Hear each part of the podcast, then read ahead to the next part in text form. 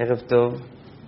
אנחנו בקורס אבא נתפייסה, ממי צריך לבקש סליחה, וזה בקשר לימים הללו, אנחנו בימים של אלול, סליחה לקדוש ברוך הוא, סליחה אחד לשני. אני רוצה לפתוח בסיפור.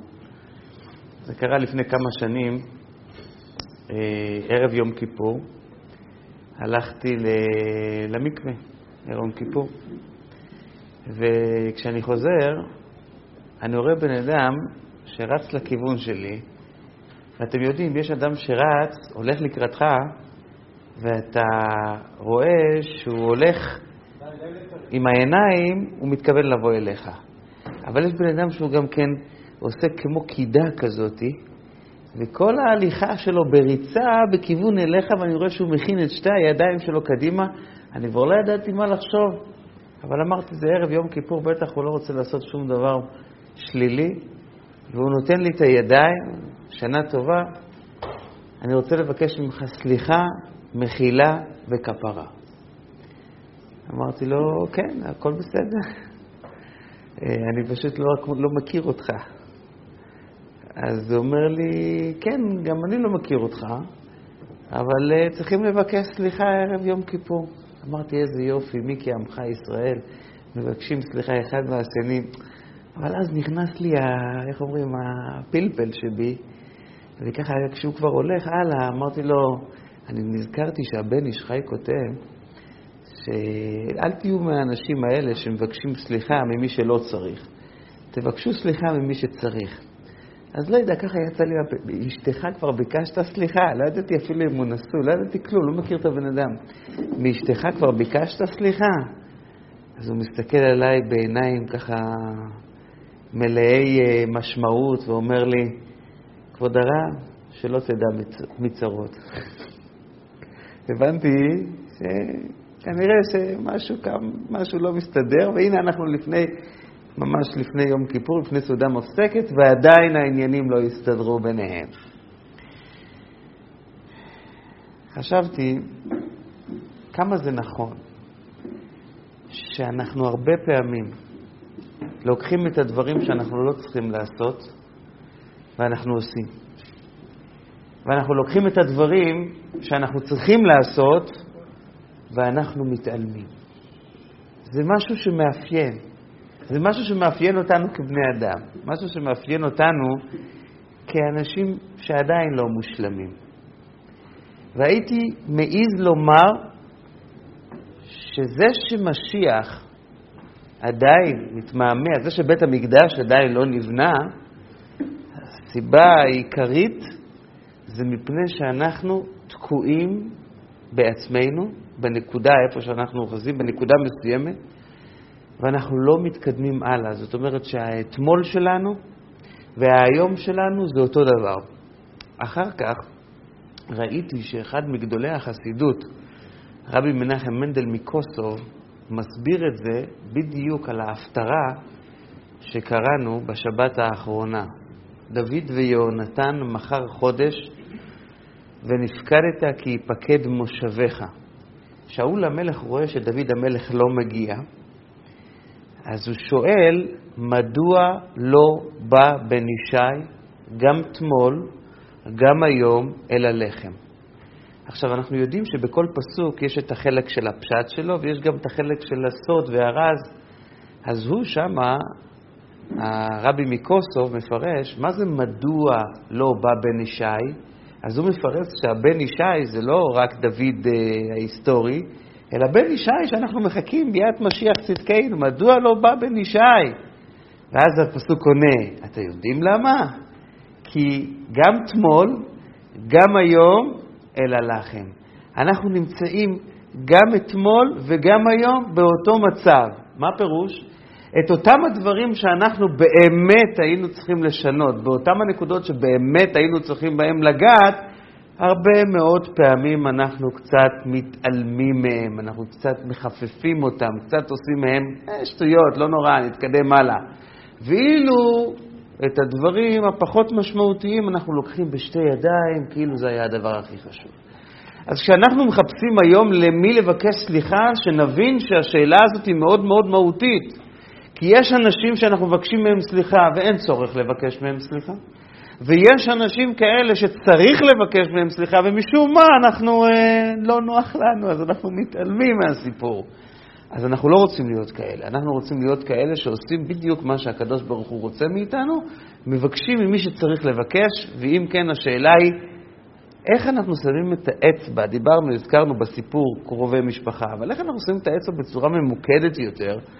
מיהו האדם שבאמת האלוקים מצפה מאיתנו שאנחנו נתפייס איתו, שאנחנו נגיע איתו לאיזושהי עבודה פנימית ונגיע איתו בשלום לקראת ראש השנה, לקראת יום הכיפורים. ואחד הדברים המעניינים שהרבי אומר, שאנחנו לא צריכים לחכות לכתיבה וחתימה טובה בראש השנה. זה אחד מהחידושים המפתיעים שלו. כתיבה וחתימה טובה הקדוש ברוך הוא עושה בחודש אלול. אם עושים את העבודה של חודש אלול כמו שצריך, אז כתיבה וחתימה טובה, ואתה נכנס לראש השנה כבר שהכל מסודר, הכל, הכל בסדר, הכל תקין. אז לענייננו, כשאנחנו רוצים לדעת מי הם האנשים שאנחנו צריכים לבקש מהם סליחה, אז הייתי מגדיר את זה ואני אפרט יותר.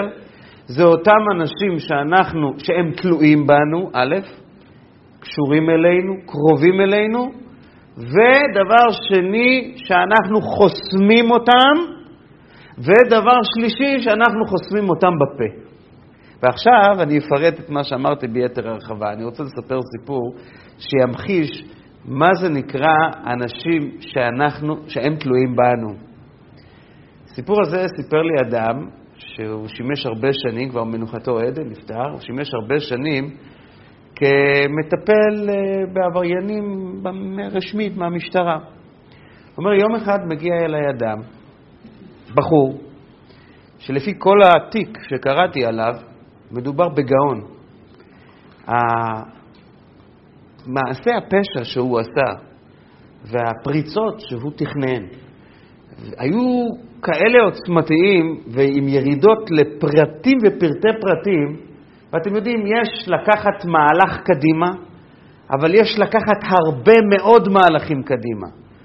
הבן אדם הזה, העורמה ש... שהייתה לו זה שהוא לקח, כמו פלפול ישיבתי שעושים גג על גג, חושב את כל המהלכים קדימה, לא מהלך שתיים, עשר, עשרים מהלכים קדימה, והוא החזיק ראש. אומר, לא ראיתי כזה בן אדם חריף ומפולפל כמוהו, רק הייתה לו בעיה קטנה, שהוא לא ידע לקרוא ולא ידע לכתוב. ואני לא הצלחתי להבין איך יכול להיות גאון כזה שלא מצליח לקרוא ולכתוב. אז החלטתי שאני עושה ניסיון. התחלתי ללמד אותו, במקום לשבת ולטפל בו בעבריינות, התחלתי ללמד אותו לקרוא ולכתוב. חבל לכם על הזמן, הבן אדם קלט כחץ מקשת במהירות לא נורמלית, וזה רק הגדיל לי את השאלה, כזה מוכשר, קולט כל כך טוב, והגיע לגיל מתקדם, והוא לא יודע לקרוא ולכתוב. אומר, החלטתי שאני נכנס לסיפור הזה עם הידיים והרגליים, אני חייב להבין מדוע האדם הזה לא יודע לקרוא ולכתוב. ומה הייתה המסקנה שלי, אחרי חקירה מאומצת? בכיתה א', המורה שלו אמר לו פעם אחת, טמבל. עכשיו, ככל שהאדם הוא מוכשר יותר, וזה נורא מעניין, ככל שהאדם הוא כישרוני יותר, אז כישרוני, אתם יודעים שהכישרון, ב-70% מהכישרון של האדם זה האינטליגנציה הרגשית שלו, זה לא השכל בלבד. זה היכולת של האדם לתמרן עם הסביבה, עם המקום, עם האנשים.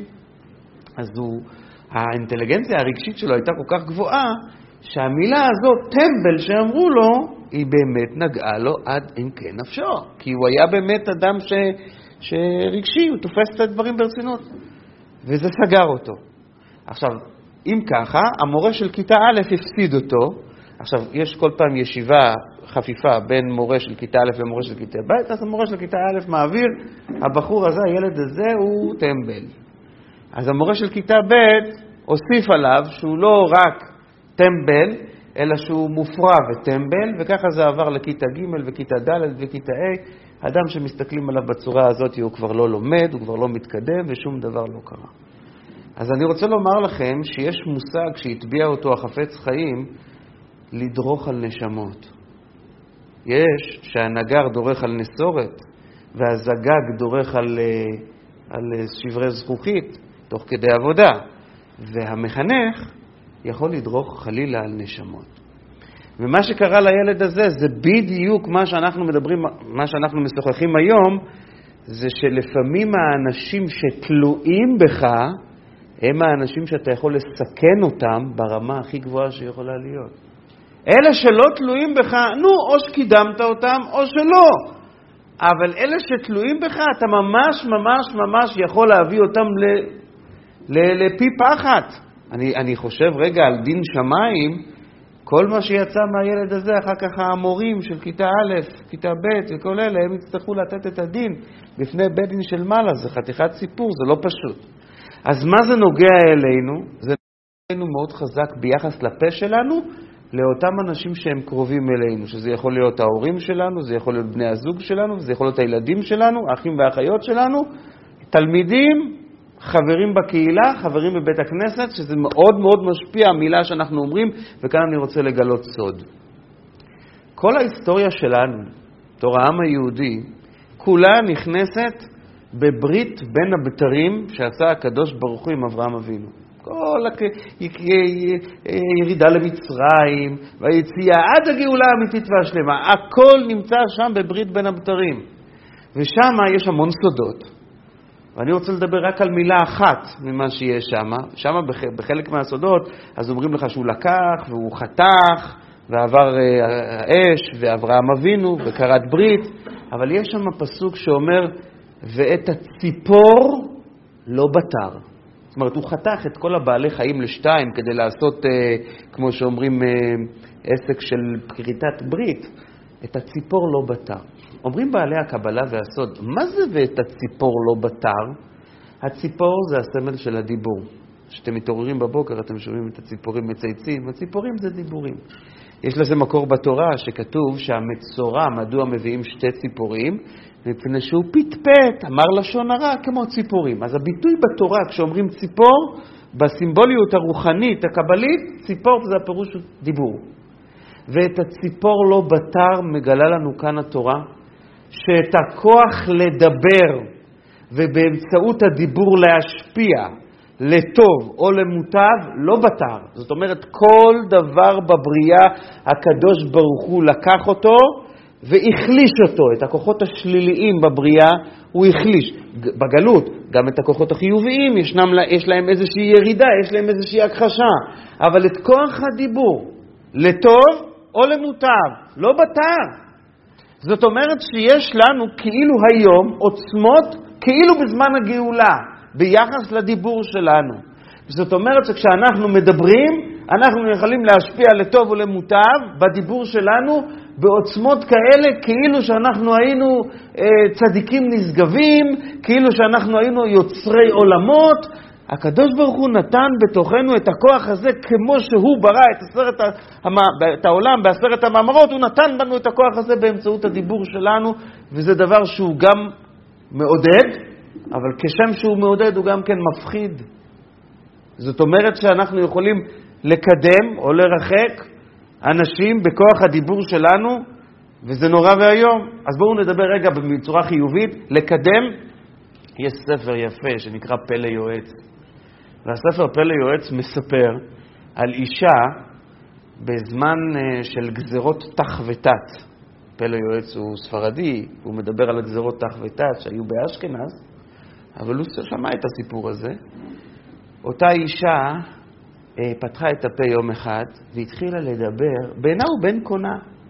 ריבונו של עולם, העם שלך כל כך סובל, והם כאלה אנשים טובים, הם כאלה חיוביים, וכאילו, למה הם שכל כך טובים, הם כל כך סובלים? אז הוא כותב שם שבאותו יום שהיא פתחה את הפה על זה, באותו יום הסתיימו גזרות אח ותת. ולמה? משום שכנראה לא היה אף פעם באותו הזמן אדם שפתח את הפה בתמימות כזאת, ברצינות כזאת ובכאב כזה כמו שהיא. זאת אומרת, אני מראה איך שבצורה החיובית, כשבן אדם מדבר, והוא מדבר מכל הלב, עם כל האכפתיות, עם כל מה שנוגע, הוא משנה, הוא מזיז דברים. אז נשאלת השאלה, כשאנחנו מדברים על אנשים שהם קרובים אלינו, ואנחנו צריכים לבקש מהם סליחה, ואנחנו צריכים לא לפגוע בהם לכתחילה, איך אנחנו מגיעים לזה? הרי יש חוק טבע בבריאה. ככל שאתה רואה את הדבר יותר מרחוק, הוא נראה לך יותר יפה. ככל שאתה רואה את הדבר יותר מקרוב, הוא נראה לך פחות יפה. קחו בן אדם. אתה, נתחיל עם נוף. אתם יוצאים ל... אתם יוצאים ל... ל... נוסעים דרך במכונית ואתם רואים את ההרים ואת הזה. הרי האלפים נראים יפה כשאנחנו רואים אותם מרחוק. כשאתה מתקרב, פתאום אתה רואה פה בוץ, פה זה, זה, זה, זה לא נעים, זה לא יפה. אתה מסתכל על הבן אדם כל זמן שאתה רואה אותו מרחוק, הוא נראה לך בגדול בסדר. אתה מתקרב מקרוב, פתאום אתה רואה פה יש לו נקודת חן, ופה יש לו זה, ופה יש לו זה. הפרטים מורידים את הערך. כשאתה רואה את הדבר במכלול מרחוק, הוא נראה חזק יותר, הוא נראה עוצמתי. מוריי ורבותיי, האנשים שאנחנו איתם במגע, שאנחנו קרובים איתם, זה אנשים שאנחנו רואים אותם מקרוב. אנחנו רואים את הטוב שלהם, אנחנו רואים את החסרונות שלהם.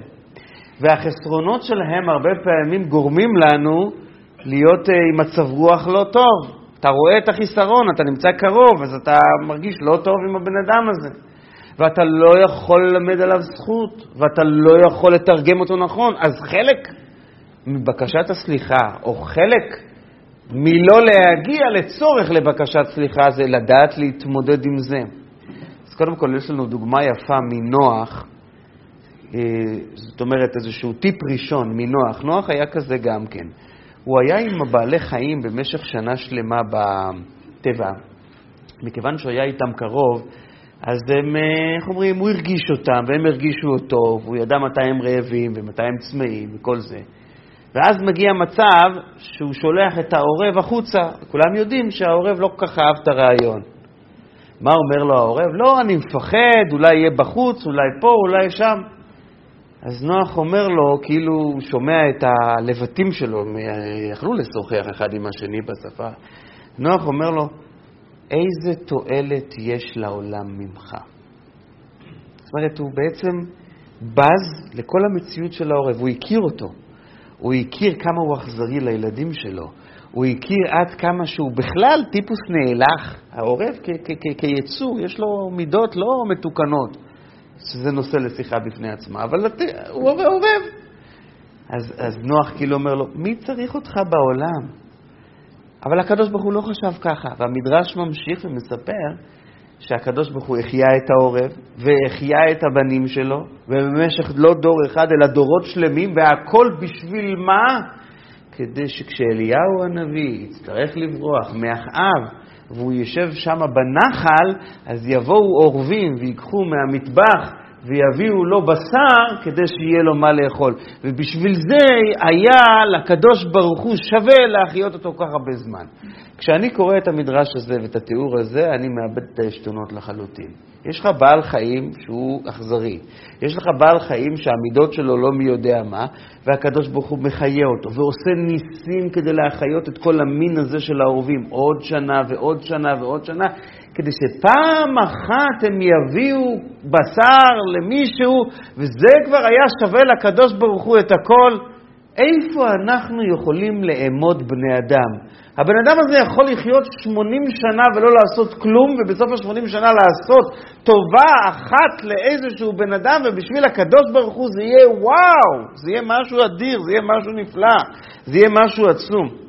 אז אני חוזר חזרה לקרובים שלנו. הקרובים, מכיוון שהם קרובים, אז אנחנו רואים אותם, ואנחנו רואים, כמו שאומרים, את החסרונות שלהם, וקשה לנו להתמודד עם החסרונות שלהם.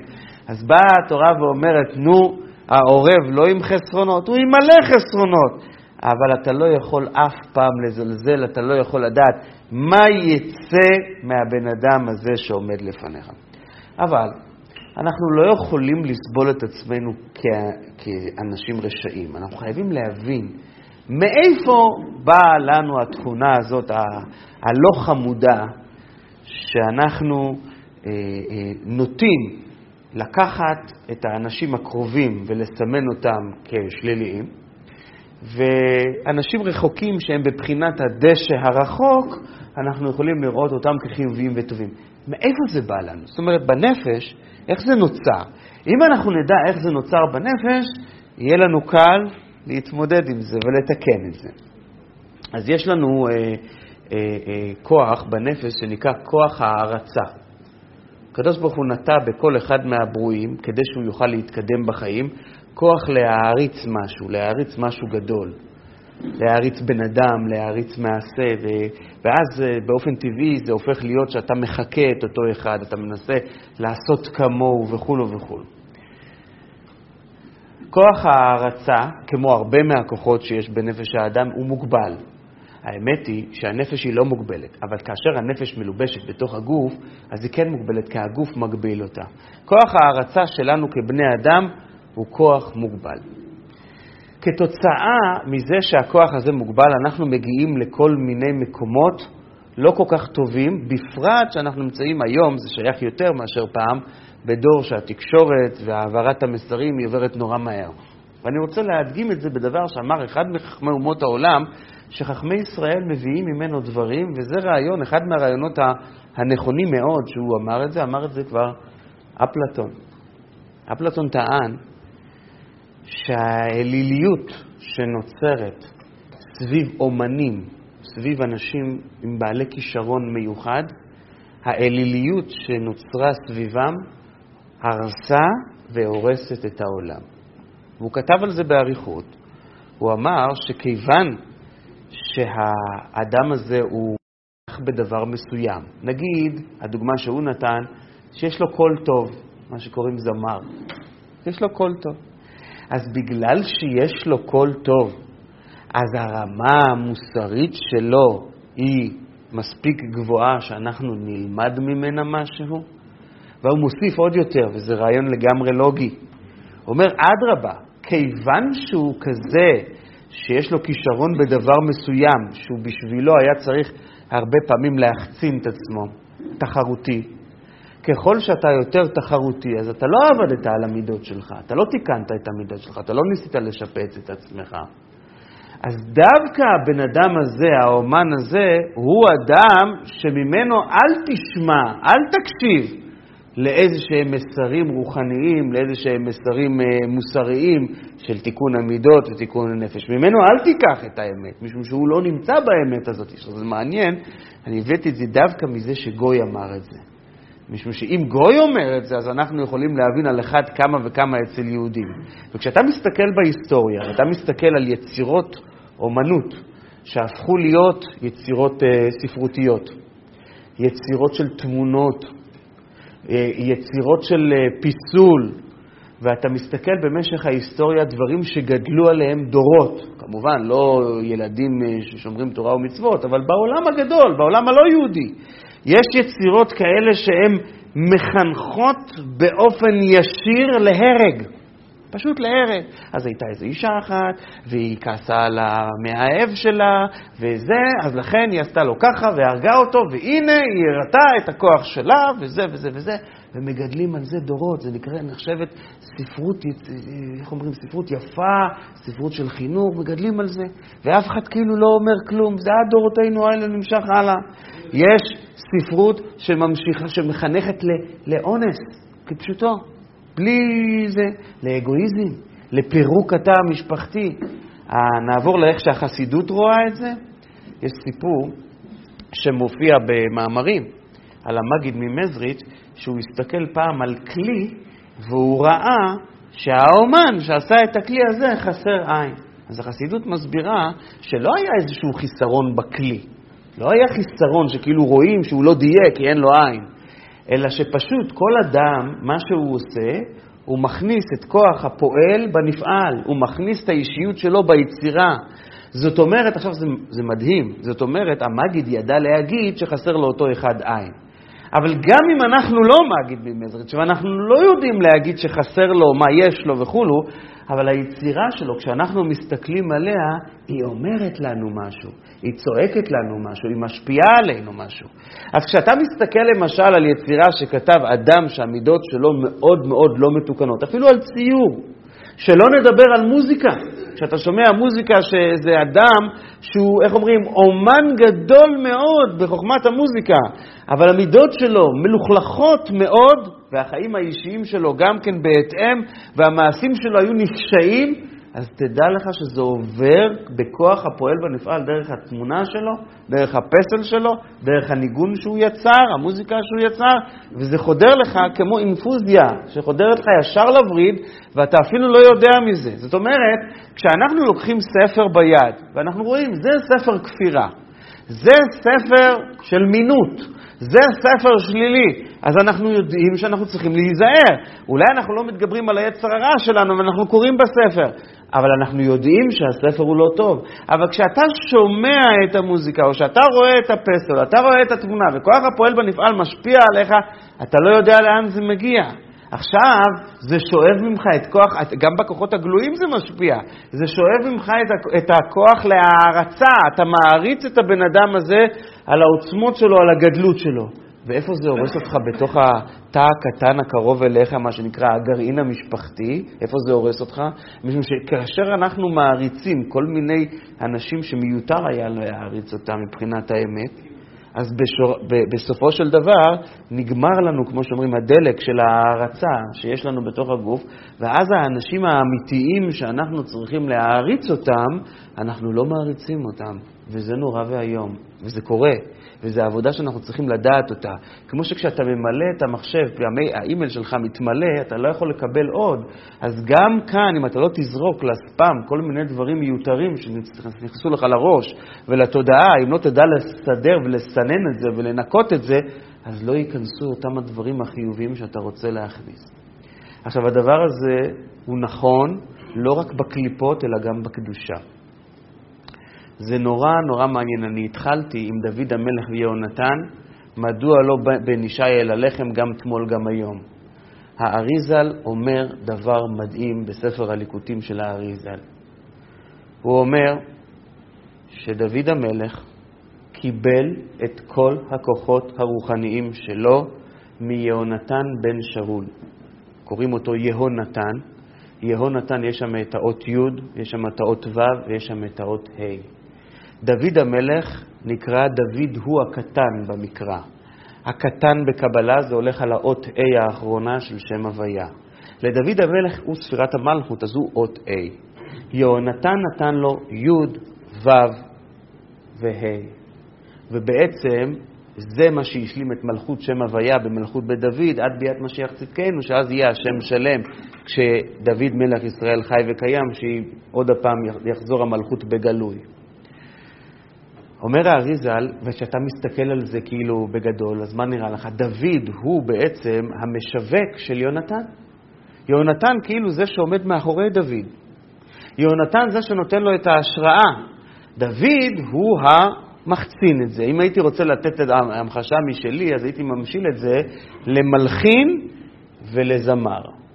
אתה שומע זמר שר איזשהו שיר, אז אתה יכול לחשוב שהוא כאילו הממציא של השיר. זה ממש לא נכון. בדרך כלל אלה שיודעים לשיר יפה מאוד, מדויק מאוד, עם קול מאוד טוב, הם קיבלו את המתנה הזאת.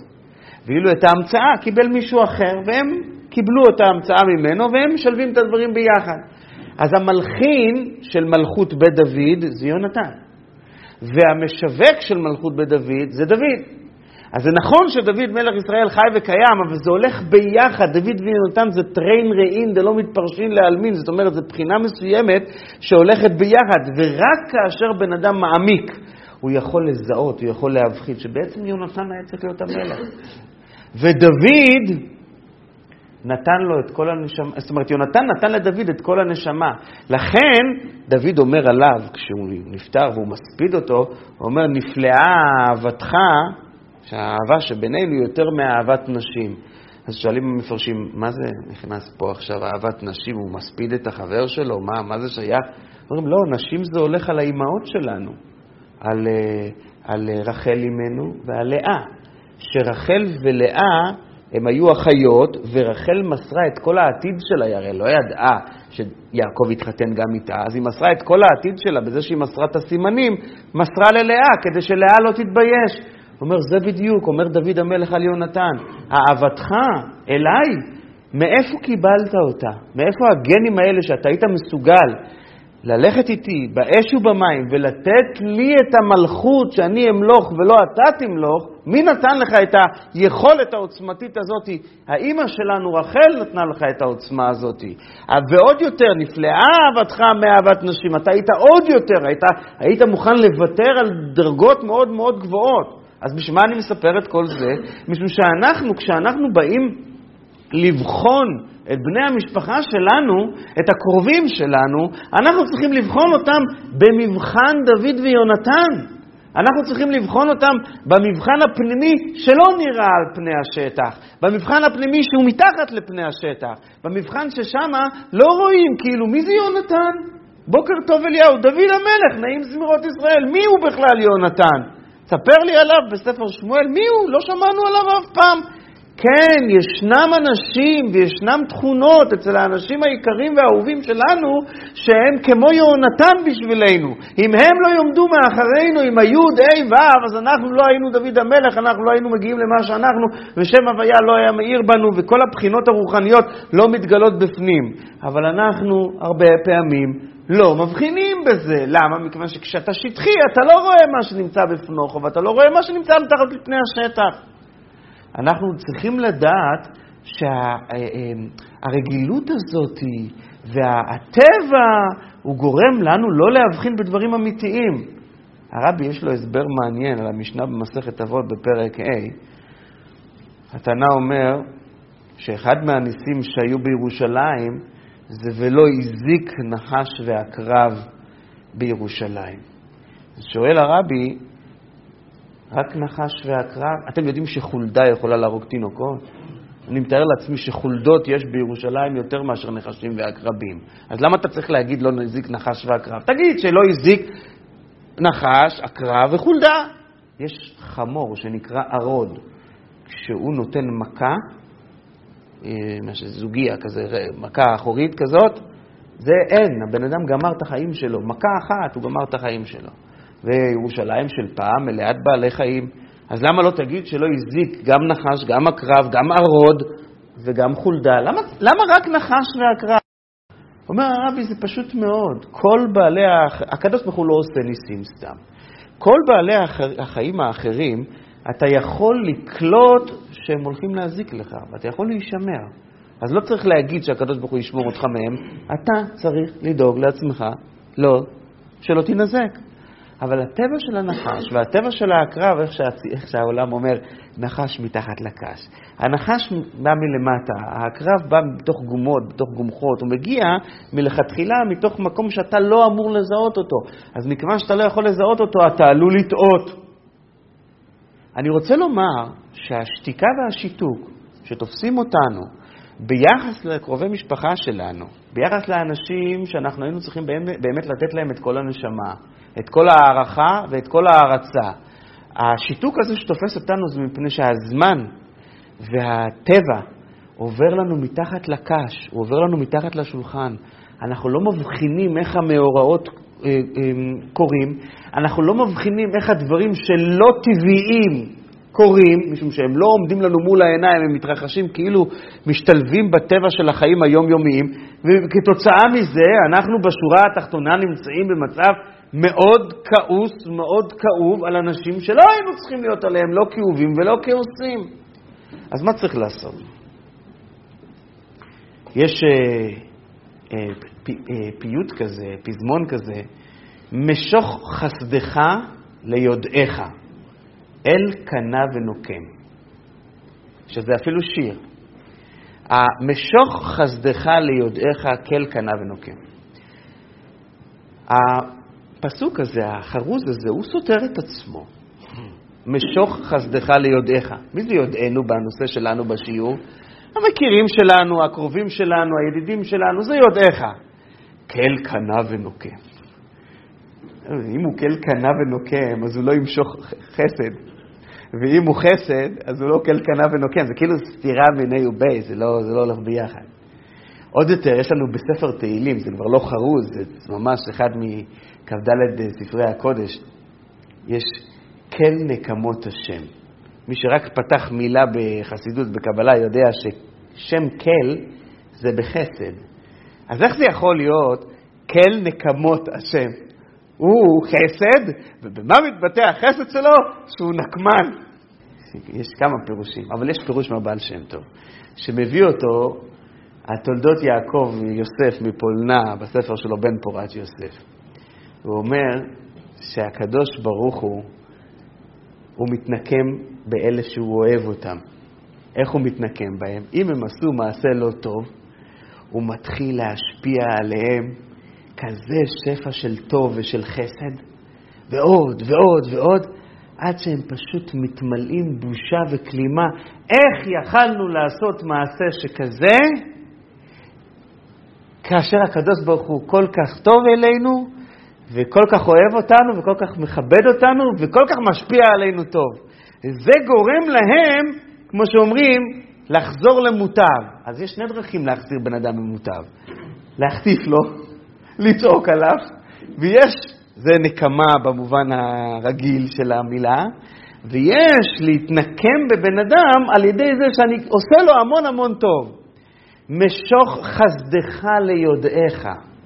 כאן הפייט מלמד אותנו שכל מי שהוא בבחינת יודעי ומכיריי, כל האדם שהוא בי... הוא, הוא דומה לאנשים המוכרים אלינו, הקרובים אלינו, היחס שלנו אליו צריך להיות בחינת נקמה חיובית. אתה רוצה לשנות מישהו מתוך המשפחה? אתה רוצה לשנות מישהו שלא לא מקבל אותך או לא מחזיק ממך ולא, איך אתה עושה את זה? יש לך דרך אחת לעשות את זה. תנקום בו באופן חיובי, הוא אמר לך מילים קשות, תן לו עוד יותר, תן לו עוד יותר, תן לו עוד יותר. תשטוף אותו בטוב, ברמה כזאת, שהוא פשוט, אני לא יודע כבר מה להגיד, אני, אני פשוט מתבייש. מתבייש נוכח הטוב שנותנים לי כשאני לא באמת ראוי לזה, שאני לא באמת נמצא שם.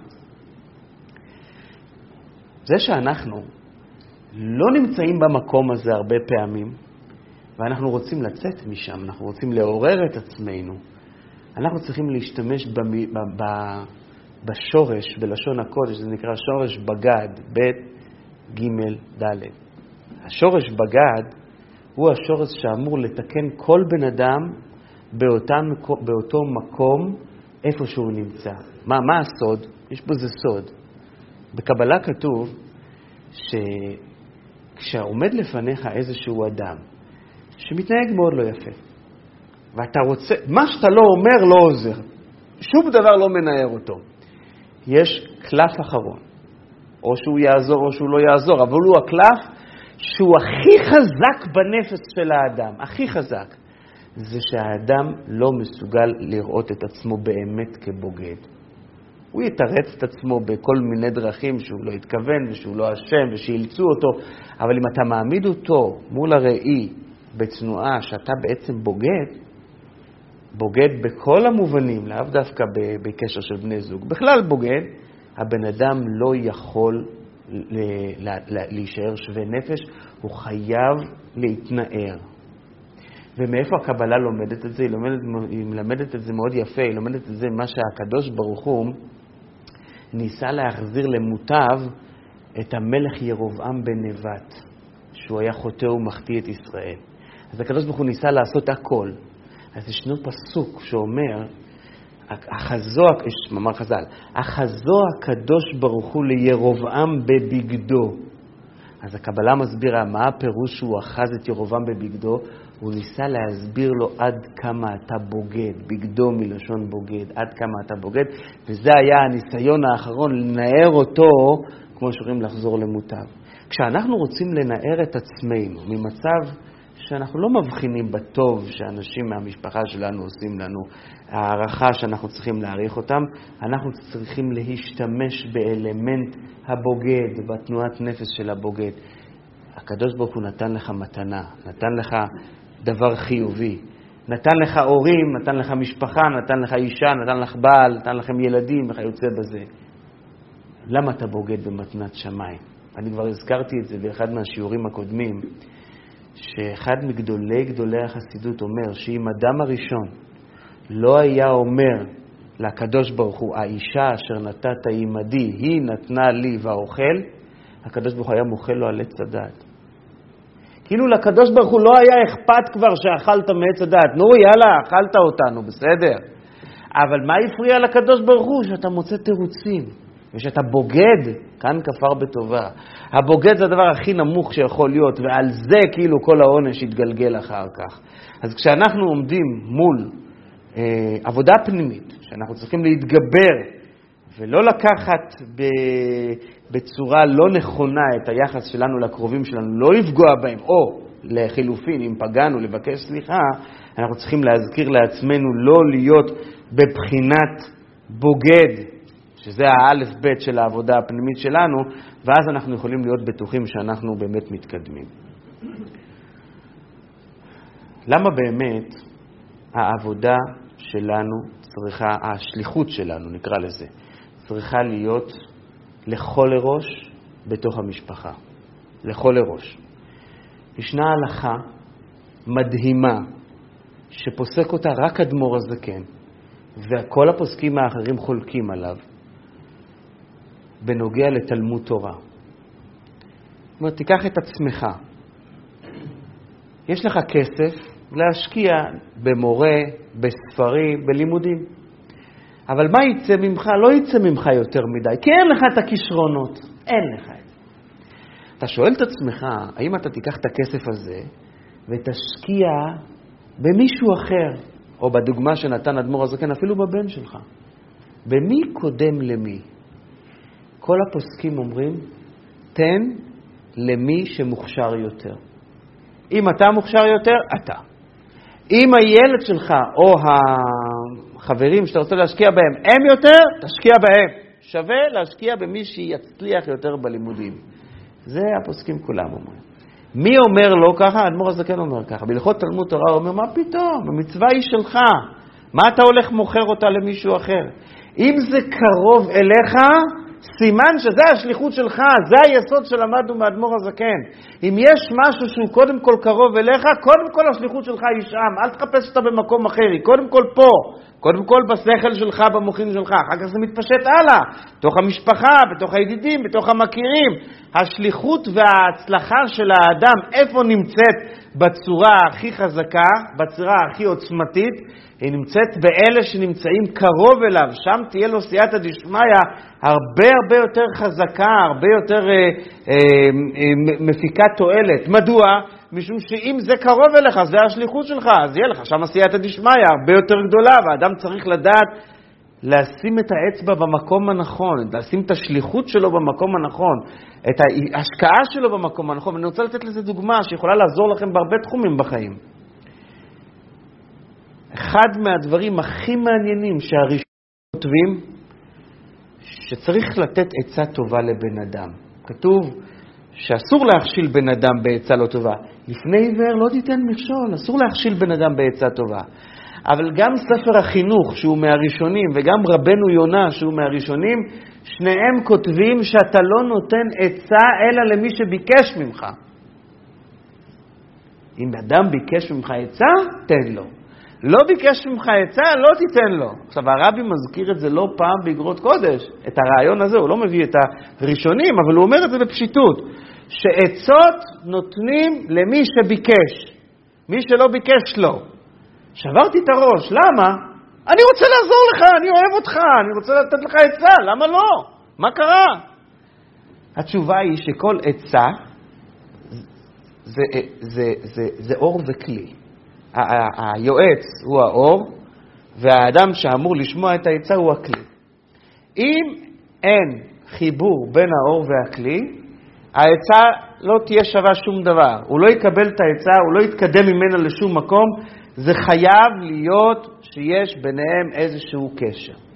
אז אם המקבל, שזה הכלי, ביקש ממך עצה, זה מוכיח שהוא כלי למה שאתה הולך להגיד, כי אחרת למה הוא ביקש? אז ההשגחה הביאה אותו לבקש. ההבנה שלו, הרגש שלו, דווקא אליך הוא פנה, משום שיש ביניכם איזשהו קונטקט, הוא מרגיש שממך תבוא לו הישועה, הוא מוכן לקבל ממך, אז הוא כלי עליך, אז אתה האור שלו. אבל אם הוא לא ביקש ממך, אז אתה לא האור שלו, אז ההצבעה שלך היא לא, לא תביא שום דבר, היא לא תביא לו שום תועלת. אז אל תיתן עצה אלא ממי שביקש ממך. אני חוזר עם הרעיון הזה, שהוא עוד מהראשונים ודרך החסידות. כאשר אתה מדבר על אדם שהוא קרוב משפחה שלך. האדם הזה שהוא קרוב משפחה שלך, אתה לא צריך כאילו שהוא יבקש ממך עצה. הוא יתחתן איתך, הוא הבן שלך, הוא קרוב שלך, אז, אז הוא בטח הוא כלי אליך. כי למה אלוקים שם, אותך להיות, שם אותו להיות בן שלך, או אשתך, או בעל, בעלך? למה, למה הוא חיבר ביניכם בכלל? אם אתם לא צריכים להיות אור וכלי, אם אתם לא צריכים להשפיע אחד על השני, למה הוא חיבר ביניכם? לא כל אדם שעומד באוטובוס או ברחוב, הקדוש ברוך הוא חיבר, יש לנו דרגות שונות של חיבור, תסכימו איתי. לא כל אדם זה באותו רמה של בעל ואישה, של הורים וילדים. כל ישראל אהובים, וכל ישראל חברים, וכל ישראל אחים, כל הדברים האלה הם נכונים, אבל היחסיות היא שונה בבחינת כמה הוא אור שלי. כמו שחז"ל אמרו, לא מכל אדם אדם זוכה ללמוד, לא את כל אדם אדם זוכה ללמד, זה, זה, זה, זה משתנה. אז הנה לנו דוגמה שאנחנו צריכים לחפש לתת עצה למישהו, אז ביחס לקרובים, שם ההשקעה הכי בטוחה שיכולה להיות. עכשיו, השקעה של עצה זה כמו חפירה, כמו זריעה שאתה זורע באדמה, שאתה מצפה שהעצה תצמיח. הארץ שלנו, שהתורה משבחת אותה, היא משבחת אותה שהיא ארץ זבת חלב ודבש. אז כשאומרים דבש, זה לא הכוונה לדבש דבורים, אלא לדבש אה, תמרים, תאנים. אז אה, זה דבש שהוא ממין הצומח. אז משבחים את הארץ על המין הצומח שלה. מה זה ארץ זבת חלב? זה לא משנה כעת אם זה חלב עיזים לאלה שדוגלים בזה, או שזה חלב בקר לאלה שדוגלים בזה, אבל זה חלב שבא מן, הצו, מן החי. אז אומרים המפרשים, מה זה נקרא שאומרים לך ארץ זבת חלב ודבש?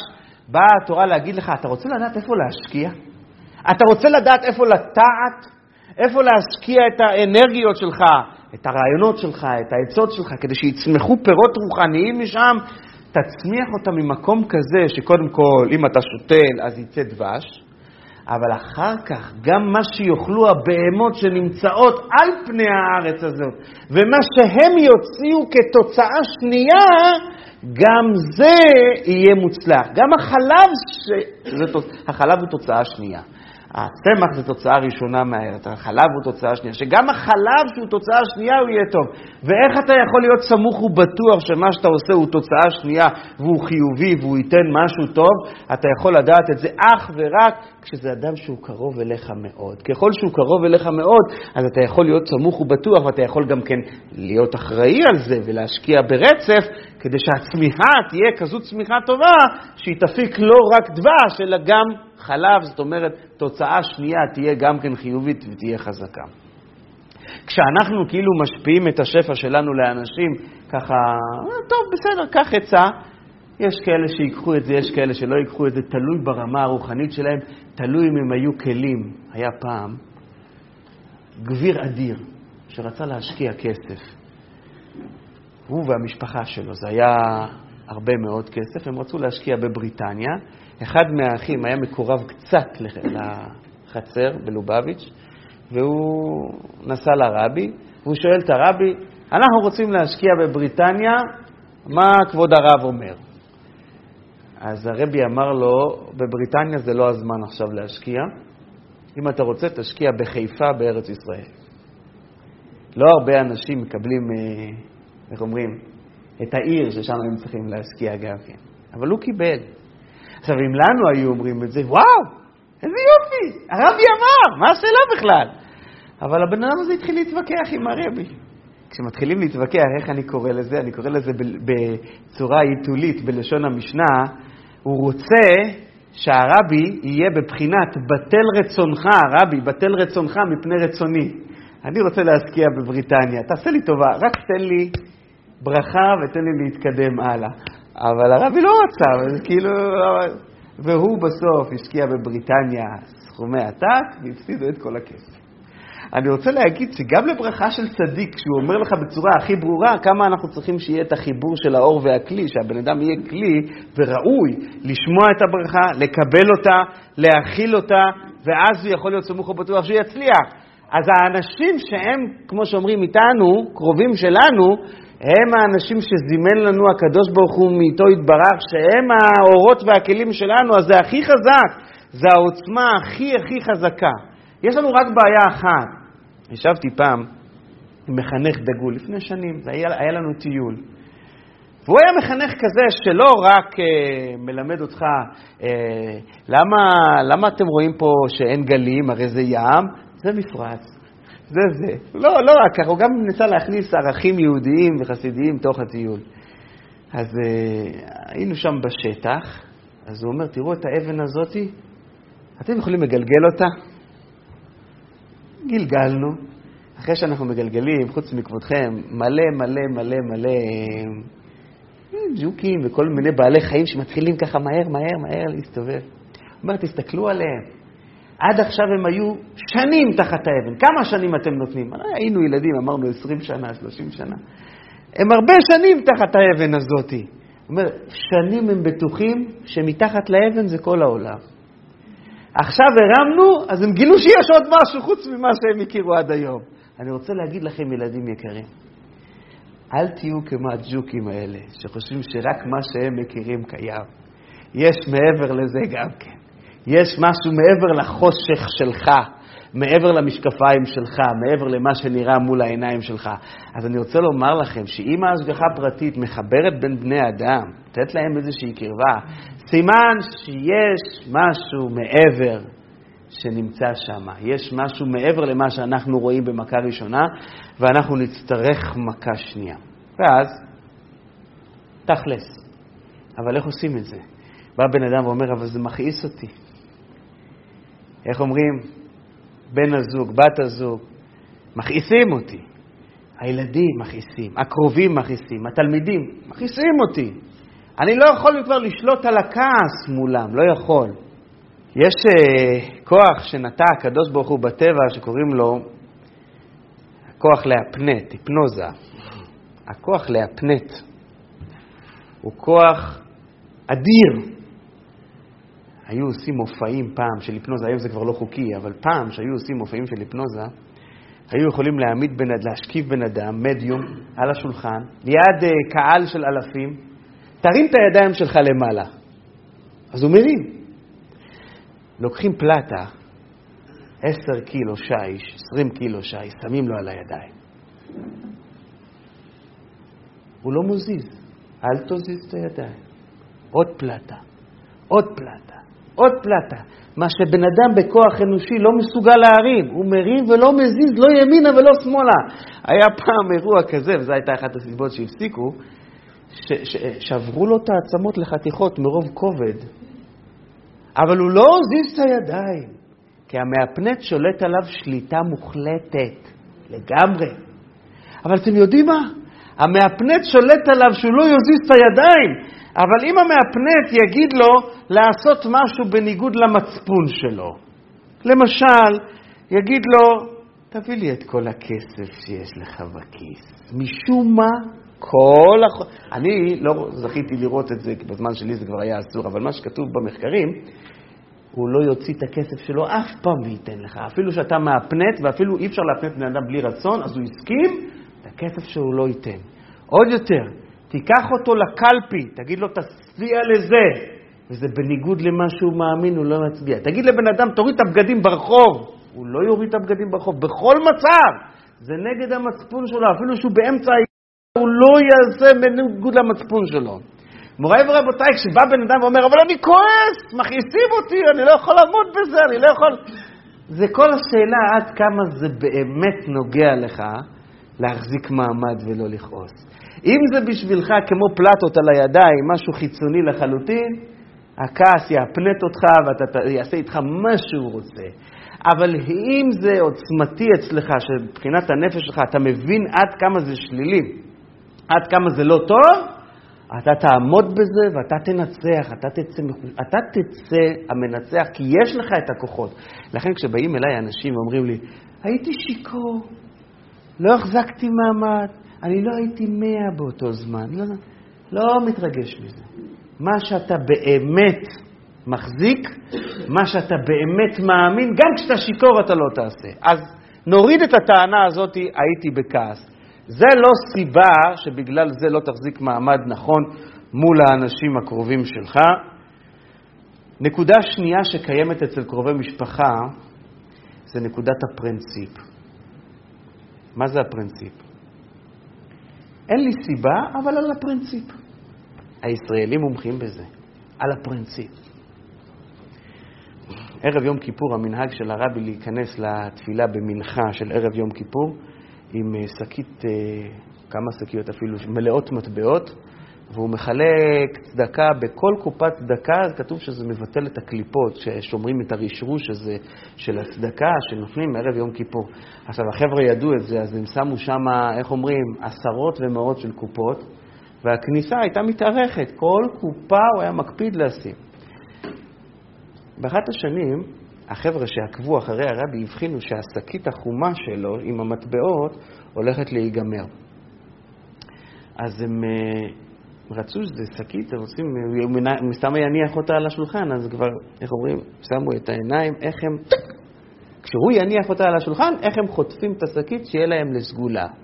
המזכיר הולך עם הרבי, והוא כנראה הבחין במה שהם אה, זוממים לעשות. אז מה שהוא עשה זה שברגע שהרבי סיים את השקית והשאיר אותה על השולחן, הוא חטף אותה מיד. עכשיו, הרבי בכלל היה, הרבי פתאום מסתכל אליו ואומר לו, מה אכפת לך? הם רוצים, מה אכפת לך? אני רוצה לומר לכם, זה הפך לי להיות מפתח של החיים. ממש ככה. ווס ארדיר, מה אכפת לך? אני רוצה לומר לכם שזה ממש ממש ממש, בשבילי על כל פנים זה הפך להיות מפתח. יש כל כך הרבה דברים בחיים שאנחנו אומרים, מאירים וזה. אם אנחנו נשאל את עצמנו בכנות, מה אכפת לך? הם רוצים את השקית. לא, ולא, ו... אבל צריך סדר. מה אכפת לך? כשבן אדם התחיל לשאול את עצמו במשך היום על עשרות דברים שהוא אומר או לא, או לא אומר, נראה לי, לא נראה לי, כן נראה לי, הוא ישאל את עצמו מה אכפת לך, הוא יגלה שיש לו כל כך הרבה עקרונות וכל כך הרבה פרינציפים וכל כך הרבה דברים שזה לא כזה, איך אומרים? אה, אז מה, מה, לא קרה כלום. לא צריך לעשות מזה עסק, לא קרה כלום. וכשאנחנו רוצים כבר להשפיע, או, אתה, אנשים קרובים אליך, אתה רוצה להשפיע, אתה לא רוצה לכעוס, אתה רוצה שתהיה מסוגל לבקש סליחה, אנשים קרובים אליך, אז תמיד אנחנו צריכים לזכור, וזה גם כן כלל שהטביע אותו הרבי. בתקופה מסוימת שהוא היה צריך לקחת רפואות, אז הרופא נתן לו שתי אופציות.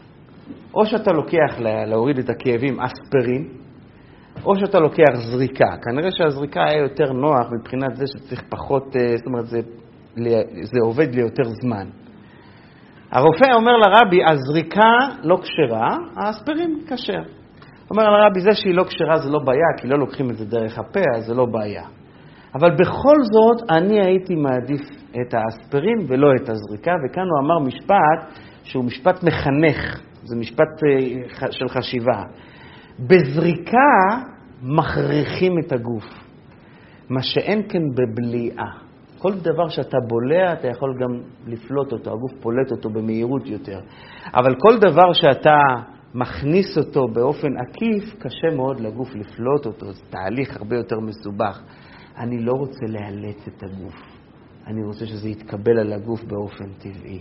ואני חושב שזה מסר לא רק באספרין וזריקה. כשאנחנו רוצים להשפיע על בן אדם, יש לנו אפשרות לעשות את זה באופן כזה שהוא יוכל גם להתווכח איתנו, ויש לנו אפשרות לעשות את זה באופן שאנחנו מטילים עליו עם עוצמות, תעשה, ככה אני אמרתי וכולו וכולו, זה זריקה. כל זמן שאפשר להשתמש עם הבליעה, כבולעו כך פולטו, תשתמש בבליעה ואל תשתמש בזריקה, משום שהזריקה עושה אילוץ, והאילוץ הוא לא מחנך, הוא לא מקדם את האדם. בספר התניא, בפרק י"ד, אומר האדמו"ר הזקן שהבחירה והיכולת והרשות שלוש ביטויים, בחירה, יכולת ורשות, נתונה לכל אחד לעשות מה שהוא צריך לעשות. החסידות שואלת, מה זה הבחירה, הרשות, היכולת, מה זה? היא אומרת פצצה. בכל פעם שבן אדם נמצא, בחר משהו, בחרתי. הוא בחר באמת, השלב הבא זה שהקדוש ברוך הוא נותן לו יכולת לבצע את מה שהוא בחר. זה מתחיל קודם כל בבחירה בהחלטה. כשאנחנו עומדים היום בעבודה פנימית, לקראת ראש השנה הבא עלינו לטובה, יום הכיפורים, עבודה פנימית של תיקון הנפש, עבודה פנימית של יחס נכון לקרובי משפחה, עבודה פנימית של יחס נכון בכלל לבני אדם. היכולת לבקש סליחה והיכולת לא לפגוע כדי לא לבקש סליחה, לא להצטרך לבקש סליחה. אז אנחנו צריכים לזכור שברגע שאנחנו מחליטים שאנחנו נעמוד במקום מסוים, בוחרים להיות במקום מסוים, היכולת לעמוד בזה נתונה לנו משמיים באופן ישיר. זה בטוח שזה יקרה. ונסיים במה שאומר הרבי הרייץ בשם אביו, הרבי הרש"ב, שבראש השנה, בשני הימים של ראש השנה, אנחנו צריכים להתפלל לקדוש ברוך הוא בעיקר שיהיה לנו מידות טובות. זה עיקר התפילה שלנו בראש השנה. אנחנו לא מבקשים בראש השנה על פרנסה גשמית, אנחנו מבקשים על מידות טובות. יש לנו כלל שבראש השנה לא מבקשים בקשות פרטיות, מבקשים רק בקשות כלליות. מלוך על כל העולם בכבודיך. מתברר שלבקש מהקדוש ברוך הוא מידות טובות זה לא בקשה פרטית, משום שזה נוגע לכולם. זה משפיע על העליונים, על התחתונים, זה משפיע על הכתרת המלך. זה משפיע על הכתרת המלך העליון, שזה הקדוש ברוך הוא, וזה משפיע על הכתרת המלך התחתון, שזה אה, דוד מלכה משיחה, משיח צדקנו. ברשותכם אני רוצה רק לעשות סיכום של היסודות שלמדנו בקשר לסליחה מקרובים.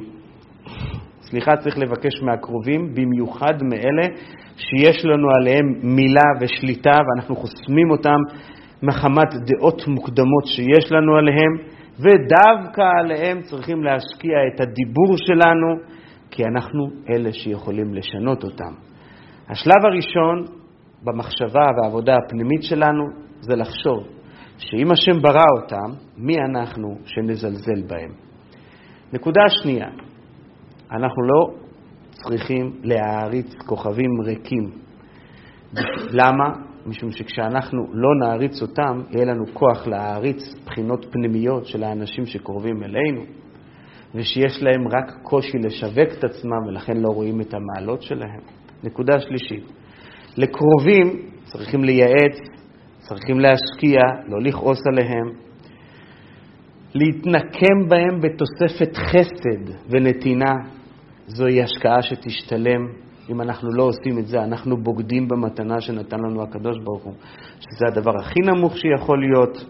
מקרובים יש תוצאות לטווח הארוך, ארץ זבת חלב ודבש, לא רק תוצאה ראשונה אלא גם שנייה. צריכים רק לראות את הדברים בצורה הנכונה, ואז יראו את התוצאות. נקודה רביעית, יש לנו כוח לא לכעוס על בכלל ועל קרובים בפרט. לפעמים המחשבה שלנו על הקרובים יונקת מאיזשהו פרינציפ לא צודק. אנחנו נוכל לשנות את קרובי המשפחה שיהיו לפי הרצון שלנו אם נעשה את זה בלי הכרח, בלי כוח, בלי אה, אה, כפייה.